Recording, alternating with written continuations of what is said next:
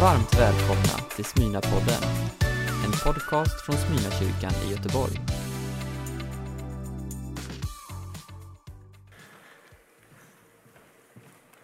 Så här eh, inledningsvis ett litet behov av att bara få förklara en, en sak som kanske är helt onödig att förklara men det känns lite bättre om jag får göra det. Jag sa det igår när vi hade församlingsmöte här i kyrkan också. Det var så här att jag har gått och dratt på en sak en tid och i fredags så hade det kommit till den punkten att det, det gick inte att dra på längre. Jag var tvungen att ringa tandläkaren. Och jag vet inte vad du har för relation till tandläkaren, men i vanliga fall tycker jag att det är rätt så småtrevligt. Jag tycker det är lite så egentid. Man blir ompysslad, man får luta sig tillbaks, man kan inte svara i telefon och någon ser till en och det är allmänt gemytligt. Ehm, jag vet inte hur du har det. En del ser helt förskräckta ut. Men i alla fall när jag ligger där och gapar och så frågar han hur jag har det då och säger nej det är inte så bra för tillfället. Det, det, I käken här är inte helt okej. Okay. Så att jag, jag, skulle vilja att du tittar till det. Och så sa han det, det ska jag ordna, sa han. Jag ska, jag ska titta. Kan du gapa stort då? Och det gör jag ju. Och så lägger man sig där till rätta som jag brukar göra och tänkte det ordnar sig det här. Och så hör jag honom säga efter en liten stund, oj då. Det är ju inte vad man vill höra hos tandläkaren va? Oj då. Det är två gånger i livet man inte vill, man vill inte höra en pilot som säger det och inte tandläkaren. Oj då. Eh, idag kommer du behöva bedövning, sa han. Jaha, jaha. Och så började det borra och rensa. Det var en rotfyllning på gång. Eh, och det var i fredags. Så att jag, det syns kanske inte så mycket, men jag känner mig svullen. Och eh, låter det som att jag är luddig så beror det på att, eh, att jag håller på att rotfylla tanden. Och då tänker du att luddighet har ju inte med tänderna att göra, det sitter ju djupare in. Men, men jag tänker uttalen. Är vi överens? Kan ni koppla av? Vad skönt. Och jag hälsar ju också dig som nu tittar via webben varmt välkommen att, att delta i det här sammanhanget. Jag ska läsa evangeliet ifrån Johannes också. Kristoffer läste det och vi kommer ju under den här 21-dagarsperioden hålla oss i Johannes evangeliet. Ett evangelium som är väldigt, väldigt intressant och laddat. Man är nog ändå rätt så överens om att det är skrivet av aposteln Johannes. Alla böckers författare ifrågasätts, men man landar nog ändå i någon form av hållning att det är nog Johannes som har skrivit Johannes evangeliet. Han riktar sig till eh, de hedna kristna och de judisk-kristna, det vill säga den grekisktalande populationen som han levde i och den judiska populationen. Han bodde själv i Efesos och redan i det här sammanhanget, för Johannes evangeliet är det sista av evangelierna som skrivs. Under den här perioden så har ifrågasättandet av Jesus Kristus börjat rulla igång. Det har ju under hela historien skett. Man ifrågasätter vem han är, vad han är, hans gudomlighet, hans eh, mänsklighet och man sätter honom i olika kontexter. Och Johannes har ett behov av att tydliggöra och svara på frågan, vem är Jesus? Han är, han är så uppfylld av detta. Och det vet jag för att när man läser Johannes evangeliet så beskriver han syftet väldigt tydligt på slutet. Han vill berätta berättelsen om Jesus Kristus för att människor ska börja tro på honom och bli frälsta. Det är ingen tveka om varför han skriver. Det står nämligen så här i Johannes evangeliet, det 20 kapitlet och 31 versen att han har beskrivit ett antal under, men det finns fler under att beskriva. Men så står det så här, upptecknas för att ni skall tro att Jesus är Messias, Guds son. Och för att ni genom honom genom att tro på honom ska ha evigt liv. Nu ska vi kasta oss in i texten på nytt igen och jag läser Bibel 2000. Ni har hört the message. Och nu ska jag läsa texten igen. Det är ju det som är så fantastiskt, att läsa lite olika texter hjälper mig att fånga olika perspektiv och skapa någon form av botten. Och nu läser vi. I begynnelsen fanns ordet och ordet fanns hos Gud och ordet var Gud. Det fanns i begynnelsen hos Gud. Allt blev till genom det och utan det blev ingenting till av allt som finns till. I ordet och livet var människornas ljus. Och ljuset lyser i mörkret och mörkret har inte övervunnit det. Det kom en man som var sänd av Gud. Hans namn var Johannes. Han kom som ett vittne för att vittna om ljuset så att alla skulle komma till tro genom honom. Själv var han inte ljuset, men han skulle vittna om ljuset. Det sanna ljuset som ger alla människor ljus, som skulle komma in i världen. Han var i världen och världen har blivit till genom honom, men världen kände honom inte. Han kom till dem som var hans och hans egna tog inte emot honom. Men åt dem som tog emot honom gav han rätten att bli Guds barn. Åt alla som tror på hans namn, som har blivit född, inte av blod, inte av, inte av någon mans vilja, utan av Gud.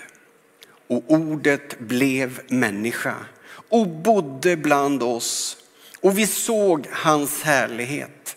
En härlighet som den enda sonen får av sin fader. Och han, han var fylld av nåd och sanning. Ska vi be en bön innan jag fortsätter? Herre, så tackar jag dig för förmånen att få fira gudstjänst tillsammans. Tack för att vi får mötas i kyrkan och vi får också mötas till gemenskap via digitala kanaler. Nu är vi här samlade. Och vi är på helig mark med en förväntan, med en längtan av att du ska dela vår gemenskap. Jag ber därför helig ande att du ska leda mina tankar och styra min tunga så att jag får tala på ett sådant sätt så att det blir till uppmuntran och vägledning och en hjälp i vardagen. Tack Herre att du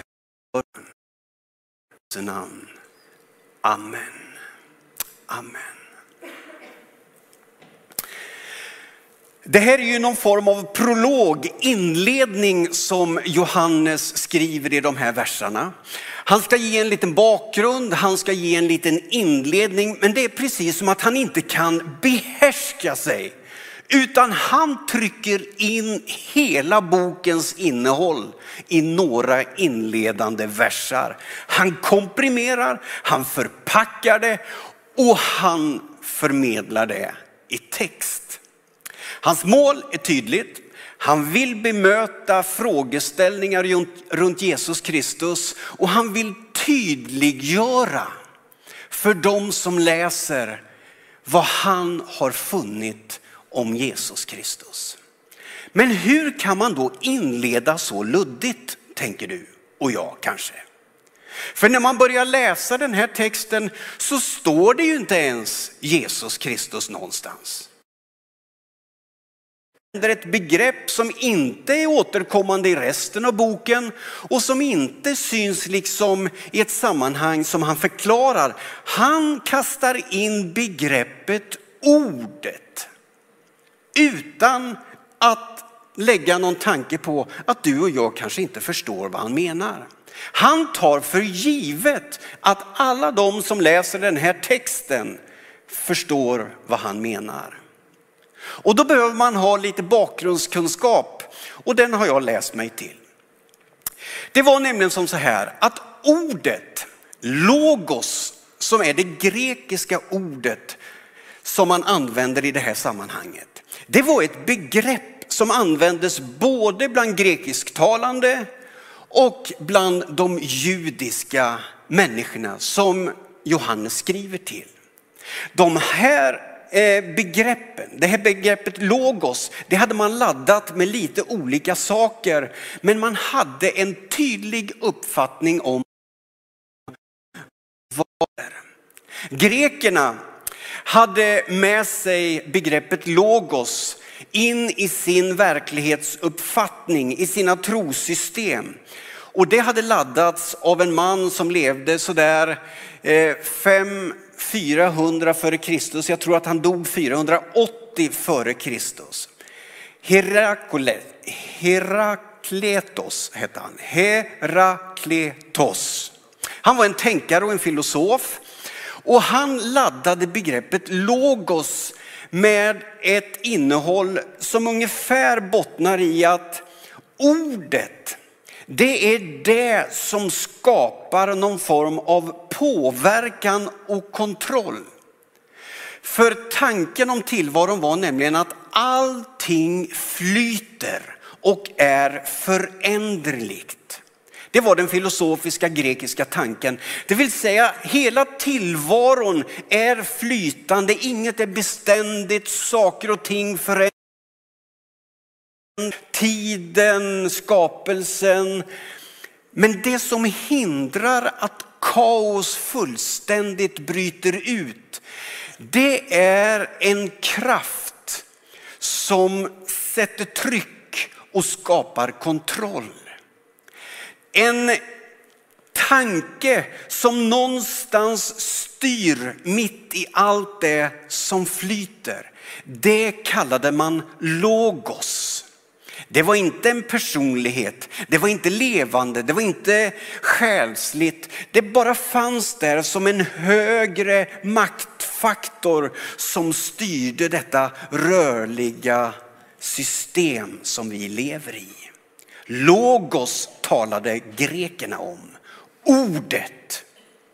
Judarna i gamla testamentet var också bekanta med uttrycket ordet. De laddade det med Guds vishet och Guds agerande. När man läser Moseböckerna så ser man att författarna skriver att Gud talade. Ordet och det blev till. På många ställen i början på Bibeln så står det att Gud talade och saker skedde. Logos, begreppet för Guds agerande, den högre intelligensen, den kraft som styr universum. Och helt plötsligt så ska Johannes skriva till de här två grupperna och förklara vem Jesus Kristus är. Och då tänker han, jag krokar an till det som de själva vet vad det är. Ett begrepp och så laddar jag om det begreppet med det som handlar om Jesus Kristus. Så istället för att skriva Jesus Kristus så väljer Johannes att skriva ordet, det vill säga logos och så svarar han på det som de redan har i sitt medvetande. Det är ju briljant. Och det är också en lärdom för dig och mig när vi ska kommunicera evangelium. Ibland är vi så uppfyllda för att tala om vad vi har upplevt så att vi bryr oss inte ens om att fundera på vart den jag talar med befinner sig och vad man har för verklighetsuppfattning. Jesus var ju mästaren på detta. När han talar i bilder så kopplar han ofta till den vardagssituation som en människa lever i. Han tar bilder från köksmiljön, från mat och, och den världen. Han tar bilder från affärsvärlden, från trädgården, från eh, kroppsmiljön. Allt för att skapa någon form av kontaktyta för att människor ska hänga på i tankegången. Det är därför Johannes skriver ordet. Och så börjar Johannes svara på frågeställningarna och tveksamheterna som rör Jesus Kristus. Vem var han egentligen? Var han bara en vishetslärare? Var han en profet? Var han en av förgrundsgestalterna som var viktig? Men hur viktig var han egentligen? Är Jesus Kristus liksom konsekvensen av en katastrof och en panik som Gud skapar för att lösa ett problem? Är Jesus den som kan jämställas med andra vishetslärare som Muhammed eller Buddha eller någon mänsklig klokfundig människa? Vem är Jesus egentligen? Det har varit viktigt för alla författarna av evangelierna att ge någon form av bakgrundskoppling till vem Jesus är. Matteus har därför med det här släktregistret där man kopplar Jesus till Abraham. Markus han hoppar över det där, han kör bara. Men Lukas som gör en historiebeskrivning, han kopplar längre än av, han kopplar till Adam. Och nu kommer Johannes. För att förklara vem Jesus Kristus är att han inte är skapad eller uppkommen som ett svar på ett mänskligt problem så börjar Johannes och säger han ordet. Ordets ursprung är evigt. Han är början och han är slutet. Ordet fanns i begynnelsen när kosmos skapades. Ordet fanns hos Gud. Ja, ordet var Gud. Det gör ju att tyngden i Jesus Kristus redan från början understryks.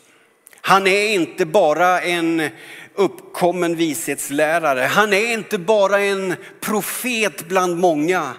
Han är Gud själv. Han var med i begynnelsen, när allt skapades, när oreda rådde och reda började formas. När det var mörkt och kaos fanns så talar Gud och ordet är verksamt. Jesus är närvarande. Han är hos Gud. Ja, han är Gud säger Johannes.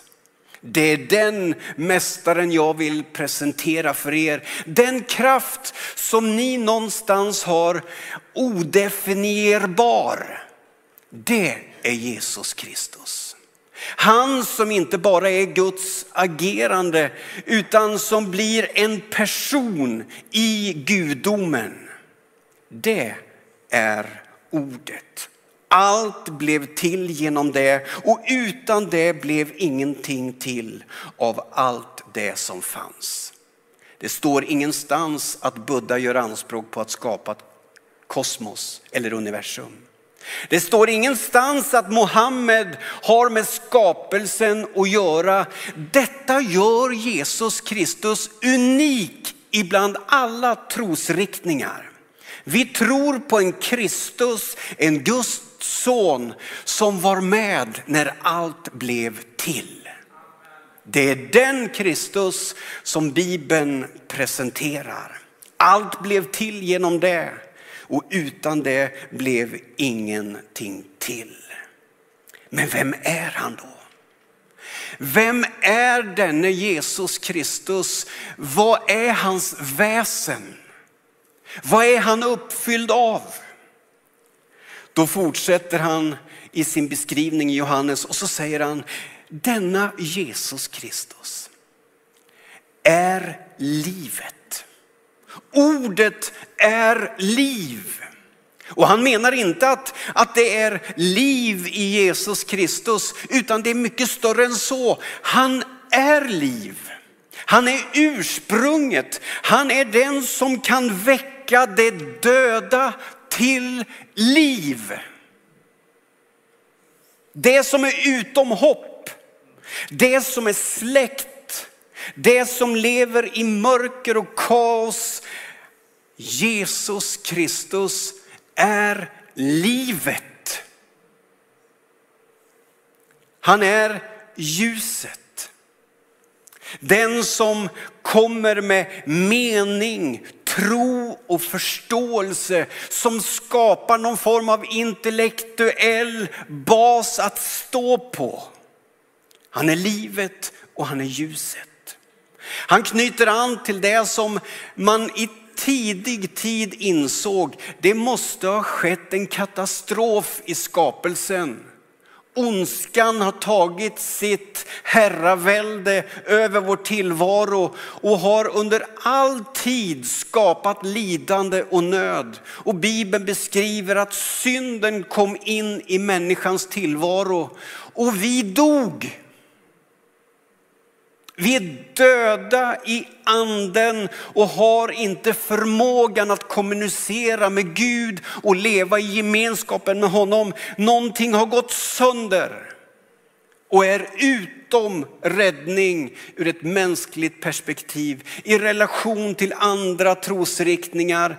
Men logos ordet som är liv kommer in som en frälsning och väcker upp det som är dött.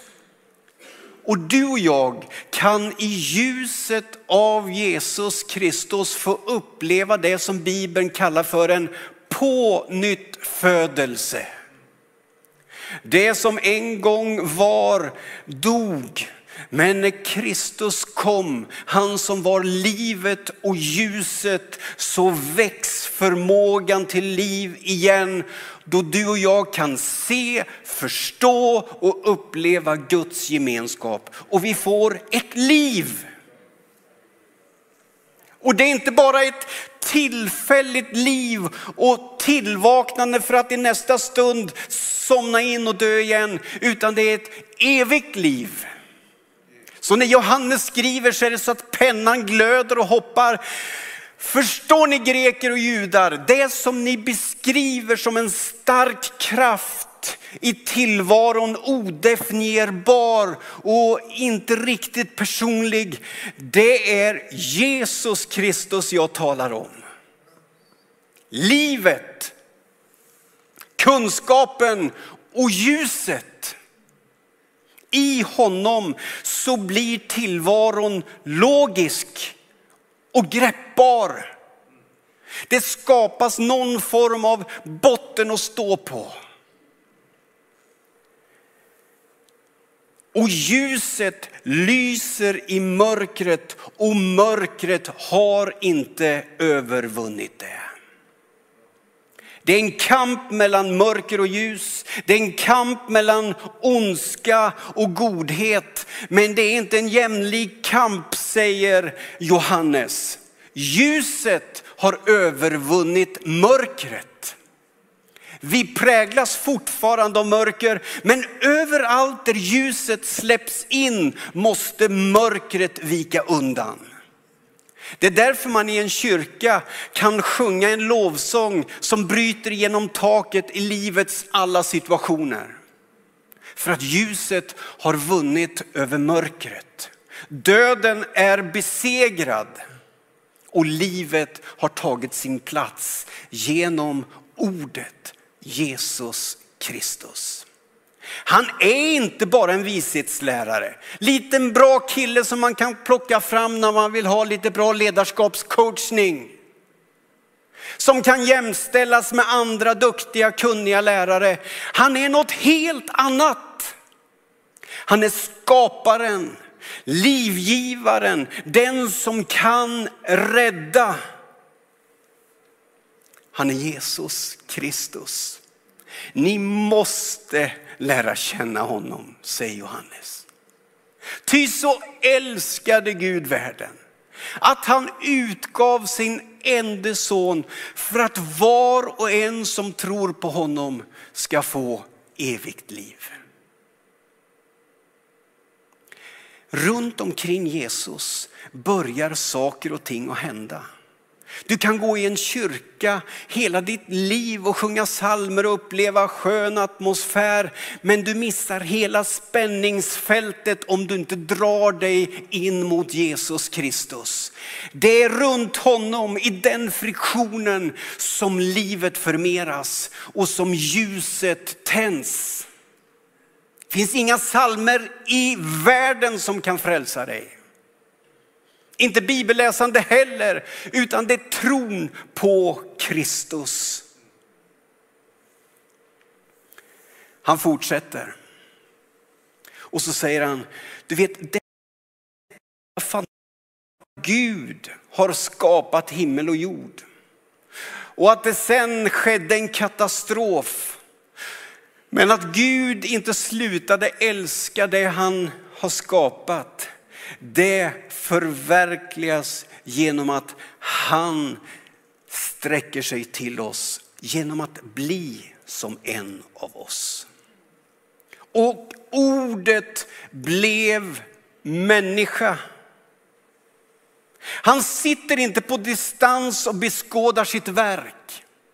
Han är inte en passiv kraft som någonstans i bakgrunden av kosmos tittar på allt som händer. Gud är en aktiv Gud som desperat längtar efter det som har gått förlorat. Det som är dött och som han har makten och kraften att väcka till liv.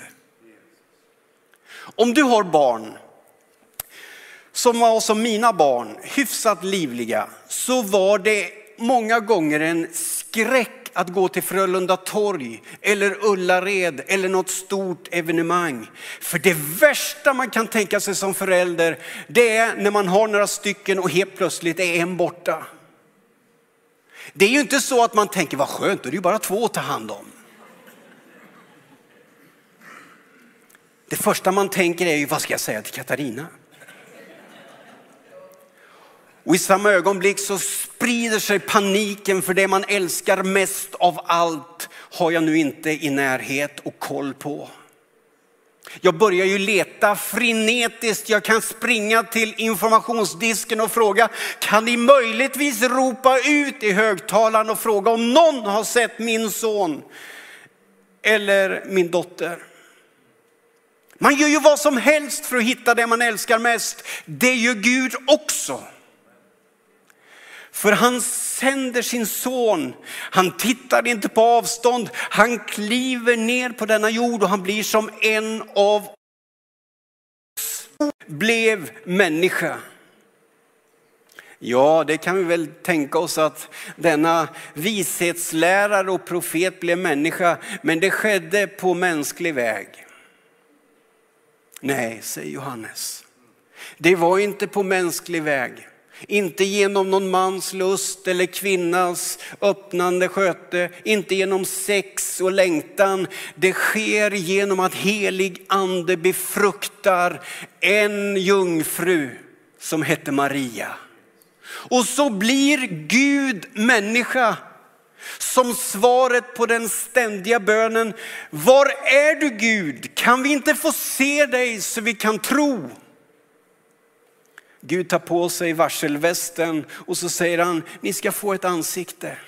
Ni ska få lära känna mig, jag ska visa vem jag är och jag ska betala priset för att gemenskapen och livet återigen ska pulsera mellan oss. Jag ska bli människa. Bor bland oss. Han rör sig bland oss, men de egna ville inte ta emot honom för han var just en av dem. Och så säger många judar än idag. Visst skulle man väl kunna tro på Jesus Kristus, men han är ju en av oss. Han är en av oss, men han är sann Gud och han är sann människa på en gång. Detta gör Jesus Kristus unik. Och när du och jag kan se honom så kan vi lära av honom. Vi kan följa honom. Vi kan lära känna Gud genom honom. Och han kan ge oss del av det som är han så att vi förstår oss själva och tillvaron. I ljuset av Kristus så kan du och jag leva livet. Och det är där spänningen finns. Att som kristen hela tiden ställa sig frågan, hur ser Jesus på det här? Kom nära mig så att ljuset får falla över de här frågorna om etnicitet och tillhörighet. Om sexuell identitet, om ekonomi, om min framtid och min karriärlängtan. I vilket ljus ska jag närma mig alla de här svåra frågorna? Jo, i ljuset av Jesus Kristus. Det går att förstå tillvaron genom att närma sig han som är ordet, som blev människa. Vi såg hans härlighet. Det går att ta emot honom. Nu går vi in i en bön och fasteperiod. Och du vet, det är fantastiskt att närma sig Jesus Kristus. För han vet hur det är att vara människa. Du behöver inte förklara en massa saker hur din tillvaro är, för han vet det. Han har varit i din och min situation. Han har sett min tillvaro. Han kan dig och mig så du kan föra en väldigt avspänd och naturlig dialog med Jesus Kristus. Han var som en av oss, men han var syndfri. Han var bristfälligt, totalt ren. Inga misslyckanden, inga kaos, inga mänskliga defekter. Men han har utsatts för det som du och jag har utsatts för. Därför känner han oss. Jag tänker att evangeliet skrivs och Johannes han står nästan upp så ropar han, det är den här mannen som jag hoppas att ni vill lära känna. En del tog inte emot honom. De missade hela den här fantastiska saken som Gud har gjort genom att presentera sin kärlek genom sin egen son. Tar du emot honom? Gud har gjort allt för att få kontakt med mänskligheten. Och om Gud har gjort allt med mannen så sätter han oss sen i uppdraget där du och jag får göra samma sak för att sprida ljuset ut till den värld som vi lever i. Det går inte att bli sittande i en kyrka. Det går inte att tro att detta bara hör hemma på en söndag. Detta är ett budskap som passar hela veckan och där du utmanas att leva det liv som Jesus lever genom dig. Du behöver tänka till hur du ska förklara det här begreppet för de människor som lever utanför kyrkan. Så att du kan ladda om något begrepp som de använder så att de förstår vem Jesus Kristus är. Han är inte en bland vägarna, han är vägen till liv, frälsning, självförståelse, lycka harmoni. Han är frälsningen. Ordet blev människa. Ta emot det, ska vi be. Herre, jag tackar dig för att vi får närma oss den här fantastiska sanningen. Herre, tack att du, du har tydliggjort för oss vem Gud är. Du har kommit så nära det bara går att komma och du gav ditt liv för våran skull. Herre, tack att det går att greppa, det går att lära känna dig. Det går att se vem du är. Hjälp oss att vara det ljus som du är i en mörk värld. Hjälp oss att vara det som bidrar till ordning och inte kaos. Hjälp oss vara det som du är, kärlek i en kärlekslös värld. Gud, tack att du hör vår bön. I Jesu namn. Amen. Du har lyssnat på en predikan från Smyrnakyrkan i Göteborg. Hjärtligt välkommen att lyssna igen eller besöka Smyrnakyrkan. Gud välsigne dig och din vecka.